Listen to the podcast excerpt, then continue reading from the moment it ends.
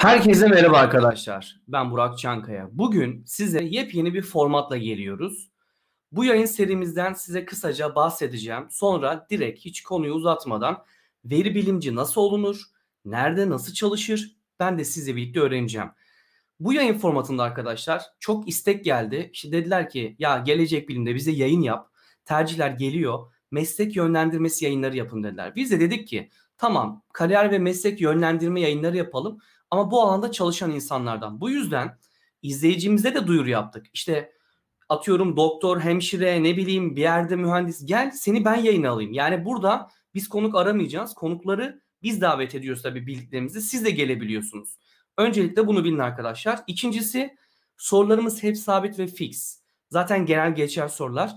Özel daha detaylı soru sormak istiyorsanız bu Twitch yayınımız şu anda. Twitch'ten yayın yapıyoruz. Bazen kayıt olacak sadece.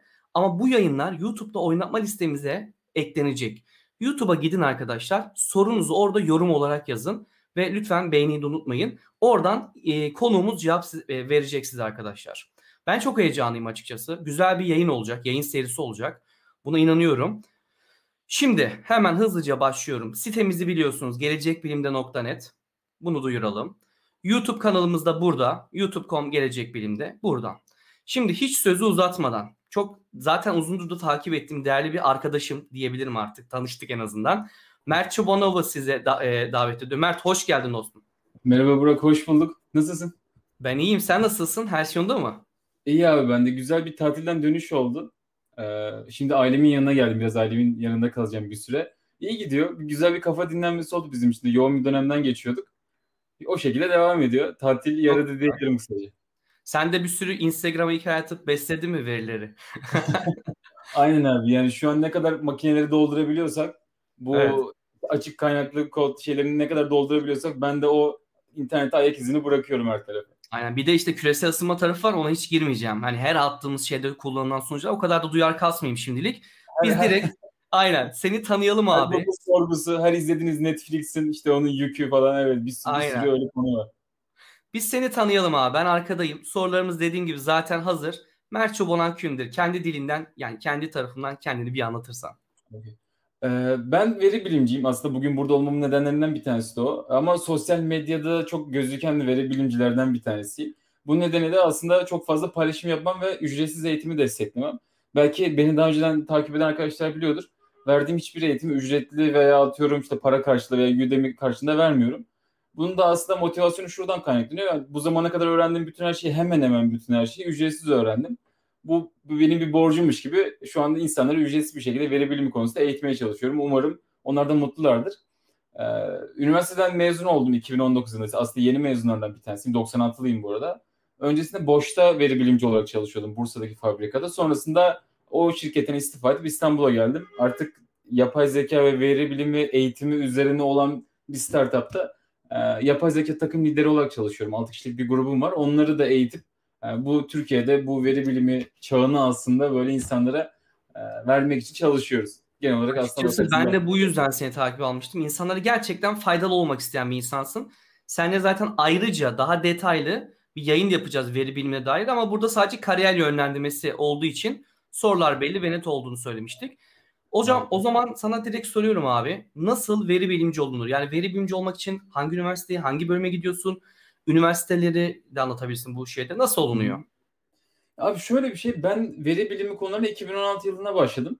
O zaman takdir edersiniz ya da hatırlayanlar vardır muhakkak. Yani böyle bir üniversitede böyle bir bölüm yoktu. Belki yüksek lisansta bunda hani büyük veriyle alakalı akademik programlar olabilir ama işte bunun bir üniversite bölümü, lisans bölümü veya işte ön lisans herhangi bir böyle bir şey yoktu. E, o zamanlarda bunu evden yapmanız gerekiyordu ya da işte MIT, Harvard gibi e, kaynak çıkartmış ya da bu alanda çalışan insanların bulunduğu yerdeki kaynakları internetten toplamanız gerekiyordu. Şimdi üniversite konusuna bir sonraki sorularda gireriz ama ben kısaca veri bilimci nasıl olunur konusunu biraz böyle özetleyeyim. Abi aslında yaptığımız iş biraz daha böyle istatistik ve programlama arasında böyle gidip geldiğiniz bir oluşum şey biliyorsun normal hani yazılımcı, software developer kısmını biliyorsunuz. İşte, işte JavaScript olabilir, C olabilir, gömülü sistemlerde olabilir. Burada biraz daha yapmış olduğumuz şey şu. Bir yazılımcıdan biraz daha farklı olarak çok kompleks bir hesap makinesi kullanıyorsunuz aslında. İşte bu herhangi bir programlama diliyle olabilir. Bu kompleks hesap makinesini nasıl kullanacağınızı öğrenmeniz gerekiyor. Yani elinizde büyük bir veri var. Bunu işleyerek bundan bir anlam çıkartma potansiyeliniz var. Fakat bunu elle yapamadığınız için bunu bilgisayar kodlarıyla yapıyorsunuz. İşte veri bilimcilik aslına bakarsan çok çok kaba bir tabirle bu olmuş oluyor. Yani ne anlama geliyor? Senin önünde bir veri var. Sen istatistik bilgini kullanıyorsun belirli bir yere kadar. Ve sonrasında işte kullanılmış ya da bu alanda iyi çalışan modeller var. Bunların neler olduğunu ve nasıl kullanabileceğini öğreniyorsun. Yapmış olduğun şey o teorik bilgiyi gerçek hayatta nasıl implemente edebildiğinle alakalı bir çalışma veri bilimi baktığımızda. Şimdi veri bilimci nasıl olur konusu çok özür dilerim. Çok ufak bir bölüm daha var. Aslında ben benim bir YouTube kanalım var bu arada şu an bizi takip eden arkadaşlar için. Ben veri bilimcinin galaksi rehberi diye uzun bir video çektim. Yarım saatlik bir video ve dönem dönem bunu anlatıyorum işte canlı yayınlarda. Aslında veri bilimcinin galaksi rehberi bir veri bilimci olma yolunda ihtiyacınız olacak bütün komponentleri böyle parça parça anlattığım bir video. Onu da arkadaşlar izleyebilir. Biz zaten. YouTube kanalına biz YouTube'a yüklediğimizde bu videoyu etiketleyeceğiz. Altta da ilk yorum senin olacak. Mert'in YouTube kanalı gerçekten çok değerli. Ben de izliyorum Mert. Hani şunu dememeliyiz değil mi? Ben sağlık alanında çalışıyorum. Ben mühendisim. Ben ne bileyim yazılımcı değilim. Veri bilimle benim ne alakam olur? Hayır. Veri her yerde ve her yerde veri bilimci ihtiyaç var. Doğru bir özet Abi kesinlikle. Yani şöyle hani meslekten bağımsız olarak veriyle alakalı yani işte bu makine mühendisi, inşaat mühendisi hiç fark etmez. Elinizde veri varsa ve bu veri işlenebilir, içinden anlam çıkartılabilir bir potansiyeli de varsa veri bilimci olabilirsiniz veya veri, bir veri bilimcisiyle birlikte çalışabilirsiniz. Tamamen insan odaklı bir meslek. Hatta ben her zaman şunu söylerim işte mühendisliğe başka bir bakış açısı getirmiş yeni bir mühendislik dalı. Tüm hepsi için. Kesinlikle. Ben de bir ara ilgilenmiştim. Ee, çok tavsiye ettiğim bir alan mühendis arkadaşlara. Şimdi diğer sorum şu olacak. Bizim mühendislikte hep gelen bir sorudur bu. İşte Burak yani elektrik elektronik okuyacağım ama üniversite mi mühendislik mi? Aynı mantıkla ben sana realist bir yaklaşım. Yurt içi yurt dışını da ayırabilirsin. Hı hı. Yurt içi mi yurt dışı mı? Türkiye'de ya da yurt dışında iki ayrı cevap verebilirsin. Bölüm mü daha önemli? Yani bir yerde gideyim ben veri bilimi okuyayım, kendimi geliştiririm mi? Hayır abi iyi bir yerde okuyayım, bekleyeyim bir sene mi? Hani bunu ne diyebilirsin izleyicimize? Ya bizde şöyle bir durum var. Belki Twitter'daki o hani Twitter ortamından biliyorsundur. Alaylı olmak ve akademik tarafta olmakla alakalı bir durum var. Yani eğer isterseniz bu bölümü bu bölümün üniversitesini okumadan da yapabiliyorsunuz. Çünkü internetteki kaynaklar muhtemelen Türkiye'de gidebileceğiniz bir üniversiteden çok çok daha iyi şekilde dışarıdan alabileceğiniz kaynaklar var. Ben üniversiteye biraz şöyle bakıyorum. Üniversite sana bir müfredatın ne olduğunu ve nasıl çalışman gerektiğini, neler çalışman gerektiğini gösterir ama günün sonunda sen yine oturup 8 saat, gün içerisinde 8 saat o konuya yine sen çalışıyorsun. Yani kimse sana Fourier denklemini gidip de beynine yerleştirmiyor. Sen oturuyorsun abi. Alıyorsun bu alandaki en iyi kitap hangisi? Sonra ona oturup çalışmaya başlıyorsun. Şimdi şöyle bir durum var. Üniversite ya da bölüm diye düşündüğünüz zaman ben elektrik elektronik mühendisiyim ama 6 yıldır bu alanda çalışıyorum elektrik elektronik mühendisliğinin bana katkısı matematik bilgisi olmuş oldu bu alanda. Ya da işte mesela görüntü işlemi üzerine çalıştığım dönemlerde sinyal işlemi üzerine mesela çok ilgim vardı. Onların çok etkisi oldu ve ne oldu? İşte matematiği bana sevdiren bir şey oldu. Bu bağlamda üniversite size iş hayatınızda, kariyerinizde evet seni bir iki adım yukarı çıkartabiliyor. Özellikle eğer yurt dışında okumuşsan çok çok daha öne çıkıyor biliyorsun Türkiye içerisinde. Ama gerçekten veri bilimi öğrenmek istiyorsan yani tüm her şeyden bağımsız hani işte o ön yargılardan tamamıyla bağımsız bir şekilde öğrenmek istiyorsan bana kalırsa üniversitenin de çok büyük bir etkisi yok. Çünkü yeni popülerleşen bir alan ve sen dışarıda inanılmaz kaliteli kaynaklar bulabiliyorken üniversite... Tam şu, onu soracaktım Mert. Tarafsız ve dürüstçe bunu söyleyebilirsin abi. Bir çekincemiz yok. Sen eğitim aldın. 4 yıllık veri bilimi eğitimi aldın ama yani seviye olarak diyelim birden 5'e kadar seviyen 2. Örnek veriyorum. Çok basit.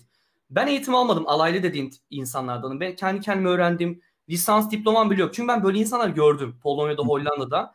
Lisans diploması yok ama adam çok iyi. Şimdi bir şirket alırken bana şunu der mi? Senin diplomam yok ben Mert alacağım. Yoksa beni mi seçer? Hani bu, bu nasıl bir bakış açısı şirketler evet. tarafından var? Kesinlikle deniyor. Çünkü şöyle bir durum söz konusu. Bence bu bir handikap aslına bakarsanız. Ben mesela atıyorum elektrik elektronik mühendisliği okudum. Dışarıda da herhangi bir bölüm olsun. Belki sosyoloji gibi hani mühendislik olmayan bir bölüm olsun. O çocuk belki de bu zaman içerisinde benden çok çok daha yüksek bir seviyeye çıkmış olsun. Yahut üniversite okumamış dahi olsun. Abi şöyle bir mevzu var. Veri bilimciliği ya da yapay zeka konuları son zamanlarda o kadar fazla popülerleşti ki Udemy'den ikinci kursunu bitiren bir kişi veri bilimci olarak bir iş başvurusunda bulunuyor. Ve bunların sayısı inanılmaz fazla. Ve sıkıntı da şu. Gerçekten yetenekli olan insanlar sadece birkaç sertifika sahip olduğu için cesarete gösterip başvuran insanlar tarafından ezilmeye başlanıyor. Çünkü şöyle bir şey oluyor. Düşünsene sen bir İK'da çalışan birisin. Sen bir İK'sın. 150 tane sana e, mülakat şey CV geliyor. Ve sen bunların beşincisinden sonra bu insanın hiçbir şey bilmediğini sadece iki kurs izleyip ben bir veri bilimci oldum diye başvurduğunu düşün. Altıncı mülakattan sonra artık bir filtreye ihtiyacın olur. Bu bağlamda insanlar şunu yapıyorlar. Diyorlar ki abi doktora seviyesinden veya işte yüksek lisansını bitirmiş kimse bize başvurmasın diye bir büyük bir filtre koyuyorlar ki bu Udemy kursu iki tane kurs tamamlayıp gelen insanları egale etmek için. Bu bağlamda yani siz eğer yüksek lisans yapmıyorsanız bu bölümde muhtemelen biraz handikaplı oluyorsunuz ve kendinizi gösterebilecek çok iyi bir portfolyoya sahip ve biraz da şanslı olmanız lazım. O büyük filtreye geçebilmek için ya iyi bir okul ya yüksek lisansı tamamlamış olmanız gerekiyor. Böyle bir handikapımız var. Şunu da eklemek istiyorum. Yanlışsam lütfen düzelt. Matematik bilgisi olmadan, iyi bir matematik bilmeden bu işe ben girmeyin diyorum. Özellikle yazılım olsun, veri bilimi olsun değil mi? Hani Kesinlikle öyle ben şuradan kod parçaları alırım, ben buradan şey yaparım. İşin tırnak içinde çakallığı bir yerden sonra yaramıyor. Yani bir matematik bilmen gerekiyor. Peki Mert sen dedin ya senin yani background'un, arka planın senin elektrik elektrik mühendisi. Ben de elektrik elektrik mühendisiyim ama ben de kendi gelecekte bak açık söyleyeyim ben mesleğimi kaybedeceğimin korkusuyla sen yayın sonu zaten sohbet edeceğiz. Sana sorularım olacak. Özel sorular olacak. E, veri bilimi öğrenmemin gerektiğini düşünerekten hani şu an başladım çalışmalara. Sen nasıl girdin? Yani bu alana nasıl yöneldin? Niye seçtin? Ve yönelmek isteyen benim gibi insanlara tavsiyen ne olur ya da üniversiteyi seçeceklere? Abi şöyle ben aslında üniversite sürecine 2014 yılında makine mühendisi olarak başladım ve ikinci yılın sonunda makine mühendisliği ikinci yılın sonunda bu bölümün bana göre olmadığını biraz fizik ağırlıklı olduğunu ve matematik kısmının hafif olduğunu karar verdikten sonra elektrik elektronik mühendisliğine geçiş yaptım. Ki biliyorsun elektrik elektronik mühendisliğinde çok daha fazla matematik kullanıyorsun. Aslında böyle matematik aşığı birisiyim. Çok küçük yaşımdan beri. Sonrasında ufak tefek böyle işte Arduino derken ufak böyle yazılım, elektronik işlerine böyle karıştıktan sonra yazılım için çok beğendim ama bir sıkıntı vardı yazılımda. Ya işte o zaman şöyle bir muhabbet vardı. Ne kadar doğru ne kadar yanlış bilmiyorum ama işte benim cehaletimin o çok kara cahil olduğum dönemlerde şöyle diyorlar işte abi Hindistan'dan saate 5 dolar adam çalıştırabiliyorsun. Bu saatten sonra yazılımcı olunmaz gibi böyle muhabbetler dönüyordu. Sonrasında ben dedim ki abi bu olay çok eğlenceli ya işte 5 dolar da olsa 10 dolar da olsa fark etmez yani ben eğleniyorum. Ama yazılımı biraz da öğrendikten sonra bir sıkıntı çıktı. Ya böyle tekrarlayan ya da böyle beynimi de çok fazla kullanmayacağım, böyle matematiği çok fazla kullanmayacağım bir sürece doğru ilerliyordu. Ve o dönemlerde abi ben Reddit'te işte bu makine öğrenmesi yapay zeka ile alakalı başlıkları gördüm. 2015-2016 civarı. Yavaş yavaş böyle hani belki popülerleşmişti. Türkiye'de daha henüz çok popüler değildi. Ve benim yani böyle bir anda büyüledi yani okumaya başladım çılgınlar gibi falan. Yani inanılmaz yani işte optimize edilen sistemler bilmem neler falan böyle çok çok güzel bir sistemi vardı. Dedim ki bu çok çok eğlenceli bir şey benim için. Sonra işte e, elektronik mühendisliği bu bölüm kendi başıma böyle çalışmalar falan derken bu matematik tarafıyla iyice haşin neşin olmaya başladım ki ben şunu hatırlıyorum ilk bir yıl işte programlama daha iyi yapmamıştım. Hani sen daha demin şey demiştin ya hani işte kopyala yapıştır Stack Overflow'dan al şuraya götür falan hani böyle süreçler. Abi istatistik ya matematiği iyi bir şekilde bilmediğin zaman çok şanslı olman lazım. Yani o problemi çözebilmek için inanılmaz şanslı olman lazım. Çünkü her zaman veri tarafında takılıyorsun bir yere. Oradaki dağılımları kontrol etmen lazım. Hipotez testlerine bakman lazım. Verinin hangi bölümünde nasıl işte e, böyle öz nitelik mühendisliği yapman gerektiğini iyi bir şekilde öğrenmen lazım. E bunları yapabilmek için senin veriyi okuyabiliyor ve onların o, o istatistik hareketleri yapabiliyor olman lazım. Yoksa süreç şey değil. Hani belki çok duymuşsunuzdur. XGBoost denilen bir kütüphane var Python'da. İşte karar ağaçlarıyla çalışan bir model. Şöyle bir süreç yok. Makineden veri geliyor abi. Ben bütün sensör verilerimi topladım, attım işte çamaşır makinesine bana te- tertemiz çarşaf çıkart diye bir şey yok. Yani sen orada bu no free lunch teorem denir işte hani bedava yemek yok teorisi. Sen orada bir şeyler yapman lazım. O bir şeyleri de ancak matematik bilginle yapabiliyorsun. O yüzden eğer bu alanı seçecekseniz özellikle sadece ben yazılımcıyım gideyim de şimdi biraz makine öğrenmesi öğreneyim diye bir süreç yok. İstatistik, matematik bu tarz işlemleri seviyorsanız bu alana girmelerini öneriyorum. Çünkü günün sonunda çok böyle popüler bir laf vardır. İşin %80'i verinin işte hazırlanmasıyla geçiyor. Sonra modele zaten atıyorsunuz tak tak tak. İşte istiyorsan paralelde 20 20 farklı modele bile denettirebiliyorsun. Ama veri tarafı öyle değil. Veri tarafında böyle ince işçilik yapman gerekiyor. O yüzden o tarafa hevesli olmanız lazım. Benim anladığım şu oldu son dönemde. Bir kütüphane öğrenen, sen dediğin gibi bir Udemy kursu izliyor, bir kütüphane öğreniyor.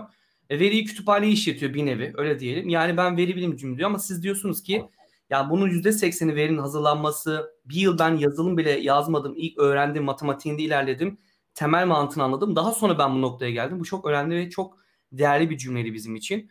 Peki hocam, veri bilimi alanının avantajları ve dezavantajları neler? Mesela ben de dedim mühendislik ileride kaybolabilir. Bu benim için bir dezavantaj ve korkutucu. Veri biliminde artılar ve eksiler şöyle koyduğumuzda masaya nasıl görüyorsun? Abi artısı şu inanılmaz havalı bir kez. Yani mesela veri bilimci olmak ya da yapay zeka mühendisi, makine öğrenmesi mühendisi olmak çok böyle seksi bir kelime yani. insanların gerçekten ilgisini çekiyor. Ve bir hype da var. Şu an o alanda çalışıyor olmanın da bir hype'ı var. Maaş oranları yüksek fakat işe alımlar çok düşük. Yani orada bir trade-off var. Bu şu anlama geliyor. Ortalama bir veri bilimci olma diye bir söz konusu şu an öyle bir şey yok. Yani ortalama ve giriş düzeyinde bir yazılımcı olabilirsin ya da işte avukat olabilirsin ya da herhangi bir şey olabilirsin. Ama şöyle bir şey yok abi. Ben ortalama bir veri bilimciyim diye bir durum söz konusu. Orada çıta inanılmaz yukarı çıkıyor. Benim en azından gözlemim bu şekilde. Çünkü şöyle bir durum var. Ortalama bir endüstri mühendisi olduğu zaman büyük bir fabrikada senden yüzlerce olur. Fakat veri bilimcileri genellikle ufak bir grup ve işte task force ekibi gibi oluşturuluyor büyük firmalarda. Yani işte 4 kişilik bir grup ya da 5 kişilik bir grup halinde sen o problem spesifik çalışıyorsun ve raporlaman gereken şey kesinlikle başarı olması gerekiyor. Diğer türlü işte süreç takibi veya hani halihazırda oturmuş işler olmadığı için senin orada metriği başarmak oluyor genellikle. Bu da bunun dezavantajı. Yani ve insan dezavantajından biri de şu. Eğer kurumsal bir şirkette çalışıyorsanız ve teknolojiye yeni yeni atılımlar sağlıyorsa yöneticileriniz genellikle veri bilimi projelerin çok büyük kısmının işte e, başarısızlığa uğradığını kabul edemiyor. Çünkü onlarda verim işte %98, %95 gibi çok büyük sayılar dolu. Üretim, hani üretim için bahsediyorum bunu. Ama siz orada işte iyi bir sonuç çıkaramadığınız zaman bunun aslında böyle bir bilimsel arge çalışması olduğunu kabul etmeyip sanki bunu başarılması ve tamamlanması gereken bir şey olduğunu düşünüyorlar. Belki bir sıkıntı da bu olabilir. Bir sıkıntı da herhalde şey oluyor. Yani takım çalışması bence çok güzel bir şey. Ama e, takım içerisinde şimdi çok dağınık bir alan. Hani yeni de bir alan. İnsanlar daha bu alana yeni yeni girişiyorlar. 5 yıl dediğiniz şey aslında bilimsel olarak baktığınız zaman veya kariyer alanına baktığınızda hiçbir şey. İşte makine mühendisliğini veya elektrik mühendisliğini düşün. İşte sen mesela elektrikle alakalı ilgileniyorsun. Hani bu 20 yıldır 30 yıldır yerleşmiş bir sistem var. Çok iyi mühendisler şey sana böyle şey yapabiliyor, önderlik edebiliyor ama burada biraz da herkes yeni yeni şeyleri yeni öğrendiği için daha böyle Şu an zaten bize de dönüşüm var. var. Ele- elektriğin enerjinin dijitalleşmesi. E, dijitalleşen şeyden ben veri toplayabilirim. Yine Hı-hı. ya bir yerde buluşuyor Mert yani. Bu illaki çakışacak yani gelecekte. Çünkü her şeyimiz veri artık. O konuyla alakalı da e, yani şunu da söyleyebilirim aslında. Hani mühendisliği bitirmekten belki belki mühendisliği bitirmeyebilir ama böyle bir boosting olabilir tam o noktada. Yani sen bir elektrik elektronik mühendisisin, ben bir veri bilimciyim. Ben senin projende veri bilim projesi yapıp senin işte e, projenin verimini artırabilmek için bir domain experte ihtiyacım var ve o kişi sen oluyorsun. Çünkü işte bir sürü parametre var. Ben hiçbir zaman diyemem işte abi bunları at makineye işte en iyisini çıkar diyemiyorum. Sen beni yönlendiriyorsun. Diyorsun ki bak şu parametre ve şu parametre senin için çok kritik olabilir. Ben özellikle şu parametrenin işte şu güven aralığında işte e, cevap vermesini istiyorum diye beni yönlendirmen lazım aslında. Bu Genellikle... yapay zeka, zekadaki uzman sistemler geldi aklıma domain expert deyince. Normalde kullanılıyor işte sağlıkta ama sonuçta bu sektörde insan etkisinin çok olduğu yerde bir yerden sonra makineler yaramıyor.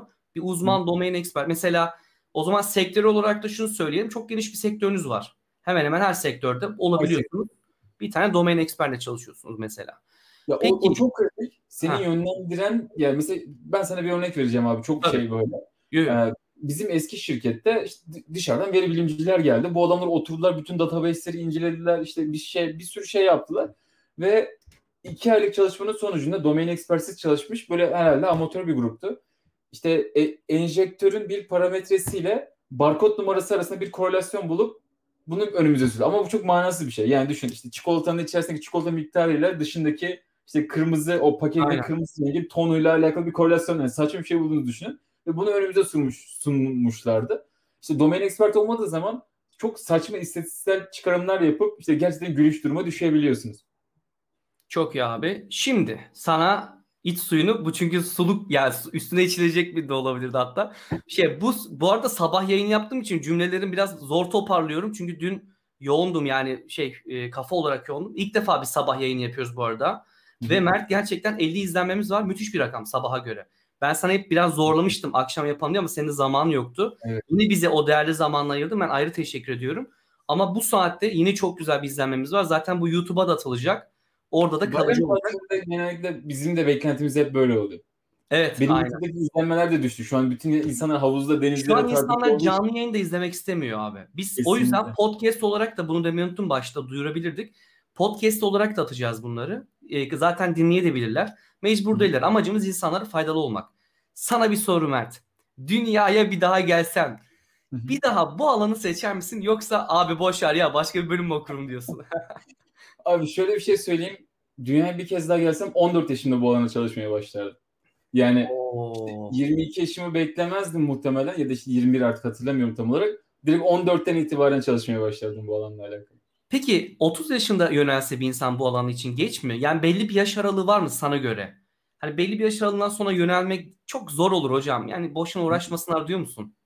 Abi şöyle bildiğin gibi ben hani yayınlarda da işte eğitimlerde tüm herkesi kucaklayan bir yapıda şey yani bunu tüm unsurlardan bağımsız hale getiriyorum. Çünkü inanılmaz böyle outlier dediğimiz böyle uç örnekler çıkartıyorlar. 50 yaşına bile başlasanız müthiş bir performans gösterebilirsiniz. Şunu söyleyebilirim. Belki kariyerini eğer çok farklı bir alandan hani 30 yaşından sonra işte yapmışsan bir makine mühendisliği iyi bir şekilde kariyerini oluşturmuşsun. Belki alan değiştirmek onlar için tehlikeli olabilir. Çünkü dediğim gibi iş bulma olasılığı biraz düşük. Çok büyük bir hype var ama çok kalifiye olduğunuz zaman ancak kolay bir şekilde iş bulabiliyorsunuz. Çünkü çok büyük bir yarış var. Hani Ama daha şirketin de bir yandan veri bilimci de lazımsa bu yetkisini de kullanıp yani bir an iki maaş bile alabilir belki. Atıyorum hem mühendistir, ARGE mühendisi örnek veriyorum bir de veri bilim öğrenmiştir yani mesela. Bu çok kolay olur onun için. Tam olarak ona bağlayacağım. Yani alan değişikliğinden ziyade bunu yeni bir yetenek olarak eğer yani 30 yaşından ya da daha yüksek yani daha yüksek yaşta olan arkadaşlar için söylüyorum. Alan değişikliği yapmaktan ziyade hali hazırda bulunduğunuz kariyere ek bir yeni yetenek olarak bunu katarlarsa muhtemelen onların şu anki kariyerlerinden çok daha iyi bir yere gelebilirler. Yani aslında şey yapmıyorum kesinlikle. Ee, hani çalışmayın demiyorum. Bu şekilde yaparsanız etkisi çok yüksek olur. Yani Eğer... keskin net bir alandan çıkış yani yine güvenli limanınız olsun. Yanınızda ek özelliğiniz olsa daha iyi diyorsun. Ben böyle anladım. Çok daha iyi. Ya şöyle bir şey direkt veri bilimi için işte lisans okumuş öğrenciler çok daha iyi. Çünkü düşünsene makine mühendisliğiyle alakalı derin bir bilgin var. Orada belki bir hatta çalışıyorsun. İşte makineleri sen maintain ediyorsun.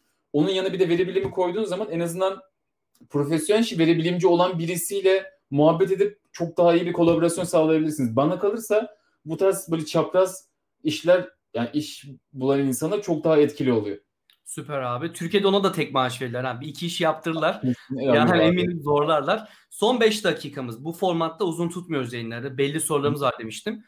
Ee, iki soru daha kaldı Mert. Ee, yok bir tane kalmış hatta. Çok güzel. Evet son sorumuz. Aynen. Alana yönelecek kişilere tavsiyeleriniz nelerdir? Öncesinde ne türlü hazırlıklar yapmalılar? Abi olay şu çok basit yani şunu söylüyorum öğrenmeyi bırakmayacak bir motivasyon. Tam olarak hani veri bilimin olayı bu. Çünkü ben 4-5 yıldır bu alanda çalışıyorum. Halen işte en başa döndüğüm zaman bile yeni şeyler öğreniyorum. Sonlara doğru gittiğim zaman da yeni şeyler öğreniyorum. Ve her gün yeni bir şey çıkıyor. Bu eğer bu alana çalışıyorsunuz durmadan yeni kaynakları öğrenecek ya da bunu gerçekten sevip işte gazete okur gibi işte o Towards Data Science veya Twitter'daki ya da yeni videolar çıkan insanları düzenli takip etmeniz lazım. Hani şey gibi değil işte ben 4 yıl bunun lisansını okudum, 2 yıl yüksek lisansını okudum bitti benim bilgim ve bu öğrendiğim bütün bilgiyle geri kalan bütün hayatımı yaşarım diye bir durum bu alanda söz konusu değil en azından şimdilik. Yani bu mesleği mesleğinizin 15. 16. yılında da okuyarak halen çalışarak yapabileceğinizi düşünüyorsanız bana kalırsa bu alana başlayın. Başlamadan önce ben şu, yani üç şeyi öneriyorum. Birincisi bu alanın teorisi. Yani makine öğrenmesi teorisi. İkincisi matematik bilginiz, istatistik olabilir, lineer cebir olabilir. Bunları çok fazla kullanacaksınız. Üçüncüsü de herhangi bir programlama dilinde gerçekten iyi bir şekilde program yazabiliyor olmak. Yani şunu görüyorum sık sık. İşte birkaç tane programlama diline gitmektense bir tane programlama dilinde hakim olduktan sonra bana kalırsa geri kalan tarafı işte CI/CD olur, işte versiyon kontrolü olur, veri görselleştirme olur. Geri kalan yetenekleri geliştirmek. Yani bir programlama dili daha öğrenmek belki size diğerlerine nazaran çok daha etkisi olmayabilir ki yani ben işte bu bir ihtiyaç listesi oluşturmuştum kendi blogumda.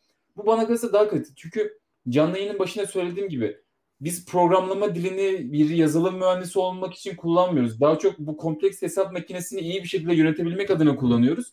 Bu bağlamda bana kalırsa teorinizi ve pratiğinizi geliştirmek bir yazılım dili daha öğrenmekten çok daha kritik. Bir tanesinde çok iyi hakim olduktan sonra çok da fazla gerekmiyor. En kötü ihtimalle büyük bir ekiple çalışıyorsanız bunu bilen birisini alıp onunla birlikte çalışmak daha etkili olduğunu gördüm. Yani mesela çok basit olacak. Bir örnek de vereyim. İşte görüntü işlemi üzerine çalışıyorsunuz.